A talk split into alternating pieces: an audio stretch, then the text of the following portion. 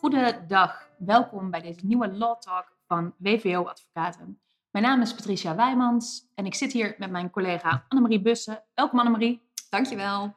Wij, uh, wij hebben vandaag de eer, Annemarie, om de speciale kersteditie uh, op te nemen. Uh, dus nou, dat is hartstikke leuk, want wat hebben wij gezien in de afgelopen jaren? Dat er, dat er wel eens wat bijzondere dingen gebeuren rondom de kerst in het arbeidsrecht. Um, en dat gebeurt met name bij kerstborrels, hè? Ja, dat is, uh, het is wel ontzettend leuk als je denkt van nou, een kersteditie, laten we eens kijken of er wel wat over te vinden is.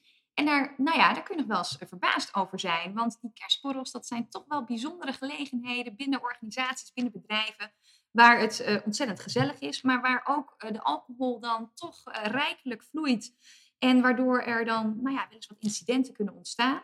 En eigenlijk de eerste, uh, ja, toch wel misschien al wat bekendere uitspraak, die is al van een jaar of tien geleden. En wat was daar nou aan de hand? Daar uh, komt een directeur, tijdens de kerstborrel komt hij de recreatiezaal binnen. Hadden ze leuk versierd, kerstbomen, ja, kerstverlichting. Ja. Dus hè, het, was, het was wat donker, het was gezellig. wat kaarsjes aan, hè? Wat kaarsjes aan. Maar wat doet deze directeur? Die uh, knijpt een werknemer in de billen. En die nou ja, heeft nog iets over van ja, oh, het lijkt hier wel op een darkroom. En ja, dat is toch niet helemaal in goede aarde gevallen bij deze werknemer. En um, ja, het gaat te ver om de hele uitspraak te bespreken. Maar uiteindelijk komt er dan een einde aan de arbeidsovereenkomst tussen de betreffende werknemer en de uh, werkgever, de organisatie. Die ja. arbeidsovereenkomst wordt ontbonden en er wordt wel een vergoeding aan de werknemer toegekend. Ja. Maar dat vindt de werknemer dan niet voldoende. En deze werknemer die um, vordert dan vervolgens een schadevergoeding wegens de vroegtijdige beëindiging van zijn dienstverband. Want hij zegt van ja, als die directeur mij zo niet had bejegend op deze manier waar ik niet van gediend ben, ja. dan was ik gewoon nog in dienst geweest. Ja. En wat je dan ziet is dat, um, he, dat de werknemer eigenlijk zegt van ja, dit is een seksueel intimiderende handeling voor mij geweest. Dat is onrechtmatig en um, ik wil dat er een schadevergoeding aan mij wordt betaald. Je ziet alleen dat de kantonrechter en het Hof daar allebei niet in meegaan. Die wijzen de vordering af. En dan zie je toch wel dat de Hoge Raad uh, het, het, heel, nou, best wel juridisch eigenlijk uh, aanpakt en beoordeelt.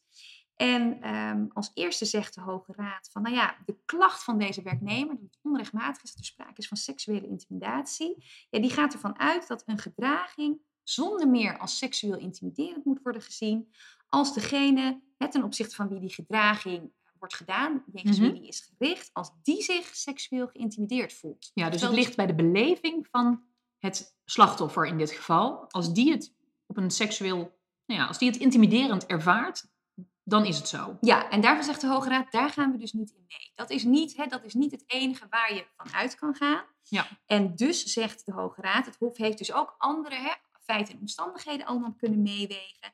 En dus ook tot de conclusie kunnen komen dat er hier geen sprake was van seksueel intimiderend gedrag. Um, en er wordt dan ook nog weer bij de, bij de, juridische definitie die in de wet is neergelegd, wordt daar nog aansluiting gezocht. De, uh, de werknemer is door die directeur niet in zijn waarde aangetast. Um, er zijn geen bedreigende, vernederende of kwetsende situaties gecreëerd. Nee. Dus ook bij de Hoge Raad krijgt deze werknemer eigenlijk nul op het request. Ja. Maar wat ik mij afvroeg, we hebben natuurlijk MeToo gehad. In ieder geval, het speelt nog steeds volop. Ja. Dan, ja, hoe, hoe zou daar nu tegenaan gekeken worden? Ja, daar, dat, is, dat, nou ja, dat is nog wel een, een goede vraag inderdaad. Uh, want deze zaak speelde in 2009. Ja, ondertussen heeft de rechtspraak daarover, en het voert te verder, kunnen we een nieuwe, denk ik, Law Talk helemaal aan besteden om daar uh, wat uitvoeriger op, op door te gaan in het nieuwe jaar. Maar ik begreep dat daar een, uh, inmiddels ook een zaak bij de Hoge Raad ligt. Ja, dat, dat klopt. Dat is, ik denk dat je doelt op de uitspraak van de, hè, eigenlijk de toneeldocent ja. in Maastricht. Ja, precies. Met zijn full body massages uh, bij studenten. Hè? Ja, en, en dat is wel aardig, want uh, het ligt nu inderdaad bij de Hoge Raad voor. En daar probeert eigenlijk uh, uitgelokt te worden een soort algemene stelregel dat seksueel overschrijdend gedrag dat dat eigenlijk altijd ernstig verwijtbaar handelen van de dader, van de werknemer ja. oplevert. Tenzij, Precies. tenzij er bepaalde omstandigheden, andere feiten zijn. Ja. En daar gaan we dus in het nieuwe jaar uh, waarschijnlijk wel een uitspraak van de Hoge Raad over krijgen. Als ze inderdaad de voorzet die nu is gedaan door de advocaat-generaal, als die door de Hoge Raad ook in het hoge beroep van, uh, van deze zaak wordt opgepakt. Ja. Maar goed, um, Daar moeten we nog eh, even op wachten. Maar nou ja, wat je dus wel ziet is dat deze kerstborrel ehm, een hele bijzondere afloop heeft gekregen. Maar dat gebeurt volgens mij wel vaker. Ja, zeker, zeker. Want zo kwamen wij een la- paar jaar later, hadden we een, eh, een kwestie van de Rabobank. En ook daar eh, was er een, een kerstborrel. eh, en daar stond een medewerker met zijn nieuwe leidinggevende aan de bar. En wat nou precies de toedracht was, weet ik niet. Maar op een gegeven moment gaf die leidinggevende eh, de werknemer een, ja, ik neem aan een beetje een speelstik van, joh, de bar gaat dicht. ehm, op zijn wang, waarop de medewerker zei, joh, eh, dat, dat vind ik niet prettig, dat moet je niet nog een keer doen. Waarop de leidinggevende meer dacht dat het een geintje was. Dus die geeft hem nog een tikje. De medewerker geeft nog een keer aan. Ja, daar ben ik eigenlijk helemaal niet van gediend. Eh, en vervolgens doet de leidinggevende het nog een keertje. Een soort van drie keer scheepsweg Ja, eh, precies, in deze situatie. Precies. Eh, wat, wat ik wel een beetje bijzonder vond, is dat er zoveel tijd overheen is gegaan daarna. Hè, want die medewerker die komt er in januari op terug. Nou, dat ik nog niet zo. Dat vind ik nog niet gek. Hè. Die, die eindborrel of die kerstborrel, die, die zal ergens eh, zo halverwege december hebben plaatsgevonden. Nou ja, daarna misschien een kerstvakantie. Kerstvakantie, oud en nieuw ertussendoor. Eh, maar in januari komt die werknemer erbij bij die werkgever op terug, of bij die leidinggevende. Die zegt, ja, weet je, ik wil hier toch over praten, want ik vind dit een heel vervelend incident. Ehm, die leidinggevende komt daar pas weer in maart op terug. Dit speelde overigens in 2013 bij de kerstborrel, in 2014 van het nieuwe jaar. Ehm, en, en eigenlijk zie je pas dat er in oktober 2014, en dan ben je gewoon bijna een jaar verder, dat er dan pas een aanbod eh, voor mediation wordt gedaan. Ondertussen hebben er al wel wat gesprekken plaatsgevonden hoor. Dus het is Ja. niet zo dat er helemaal niks gebeurd is. Er zijn wel wat gesprekken geweest, maar eigenlijk wordt het pas echt serieus genomen als je ruim tien maanden verder bent. Ehm, uiteindelijk, eh, eh, nou ja, Is het nog een keer kerst? En volgens mij nog een keer oud en nieuw, maar dan staat er niks over de kerstborrel in nee. 2014. Precies, misschien heeft hij niet. Nee, ik wou zeggen, misschien is die werknemer niet gekomen of zo. Maar goed, uiteindelijk gaat het erom, hè, die, willen partijen niet meer met elkaar door, ligt er een ontbindingsverzoek voor. We zitten nog in het tijdperk van de kantonrechtersformule, hè, waarbij je nog een correctiefactor had. En die was in principe één, hè, neutraal. Eh, en die kon wat hoger uitpakken als de werkgever een verwijt te maken viel. En die kon wat lager uitpakken als de werknemer een verwijt te maken viel. En opvallend is dat de kantonrechter hier tot een correctiefactor van 0,5 komt. Ja, dus dat betekent eigenlijk dat de werknemer Ja. hier ehm, in de vergoeding te horen krijgt eigenlijk. die krijgt- Jou valt wel een verwijt te maken. Precies. neutraal was altijd CS1. En als die naar beneden werd bijgesteld, dan had de werknemer eh, Ja. het niet allemaal goed gedaan, om Ja. zo te zeggen. Precies, precies. Daar krijgt die werknemer eigenlijk een, nou, een, een draai om zijn oren van de rechter. Ehm, want zegt die rechter, ja, Rabobank kan verweten worden dat je dit te laat hebt opgepakt. Hè? Dus de les die we hieruit kunnen leren als met name werkgevers is, ja, als er een signaal komt dat een medewerker, eh, nou ja, dat er een bepaald incident is geweest waardoor er een conflict is of dreigt te ontstaan tussen, tussen twee werknemers. Ja, pak dat serieus op. Ga, daar, ga daarmee aan de slag. Ga desnoods met elkaar mediaten, maar pak dat serieus op. Eh, dat heeft Rabobank niet direct gedaan, dus daar krijgt Rabobank wel even een tik op de vingers. Maar vervolgens heeft Rabobank het wel opgepakt. Ja, diverse gesprekken gevoerd, Precies, mediation. mediation Ja. aangeboden, excuses aangeboden. Weet je, er is best wel wat geprobeerd om vervolgens die verhouding nog recht te trekken. Maar zegt Rabobank, ja, wat wij ook deden, deze medewerker was helemaal niet meer uit op een oplossing. Ehm, Nou, niet een oplossing inderdaad van hè, behoud precies, of voortzetting. precies. Hij eh, weigerde ook excuses van de, van de leidinggevende te accepteren. Ehm, wilde niet meer in mediation, wilde eigenlijk nergens meer aan meewerken. Eh, en dat was de reden waarom uiteindelijk eh, de kantonrechter toen heeft gezegd: nee, dat is, een, nou ja, dat is aan de werknemer te verwijten. En daarom kwam er een lagere vergoeding uit. Dus ook voor deze werkgever en werknemer, denk ik, had de kerstborrel toch een wat bittere nasmaak. Jazeker, want het ging hier dus om, de bar werd gesloten. Omdat er Ja. hè, geen alcohol meer geschonken zou worden, omdat het budget op was. Ja. En dat was volgens mij ehm, eh, in ieder geval niet het geval in de, in de zaak. Hadden, ze het maar hadden, ze, gedaan? hadden ze daar de bar maar wat eerder gesloten. Ja, Want ook eh, hier hebben we het weer over eh, een kerstborrel. En dit Ja. is een zaak die speelde, ehm, als ik het goed heb, bij de kerstborrel van eh, 2015. Ja. En daar hebben we een, een oudere werknemer, al 58 jaar, al ontzettend lang in dienst vanaf 1991. En ehm, hij lijdt ook aan diabetes, wordt er, wordt er vermeld. Maar die heeft gewoon veel te veel alcohol gedronken Ja. op de kerstborrel. En ehm, nou ja, de, eh, op de een of andere manier had het op hem geen goede uitwerking, want hij krijgt ruzie met de directeur. Ja. En hij probeert de directeur ook zelfs nog eh, te slaan als de directeur na middernacht ongeveer probeert om de kerstborrel te verlaten. Dan komt er nog een collega komt nog uh, tussen beiden die zegt van joh, doe dat nou niet. En ehm, ja, dit wordt wel vervolgens gesanctioneerd met een ontslag op staande voet. Precies, Dus dat zegt die directeur meteen. Hè? Ja. Dus die wordt, nou ja, bijna, bijna geslagen door de werknemer.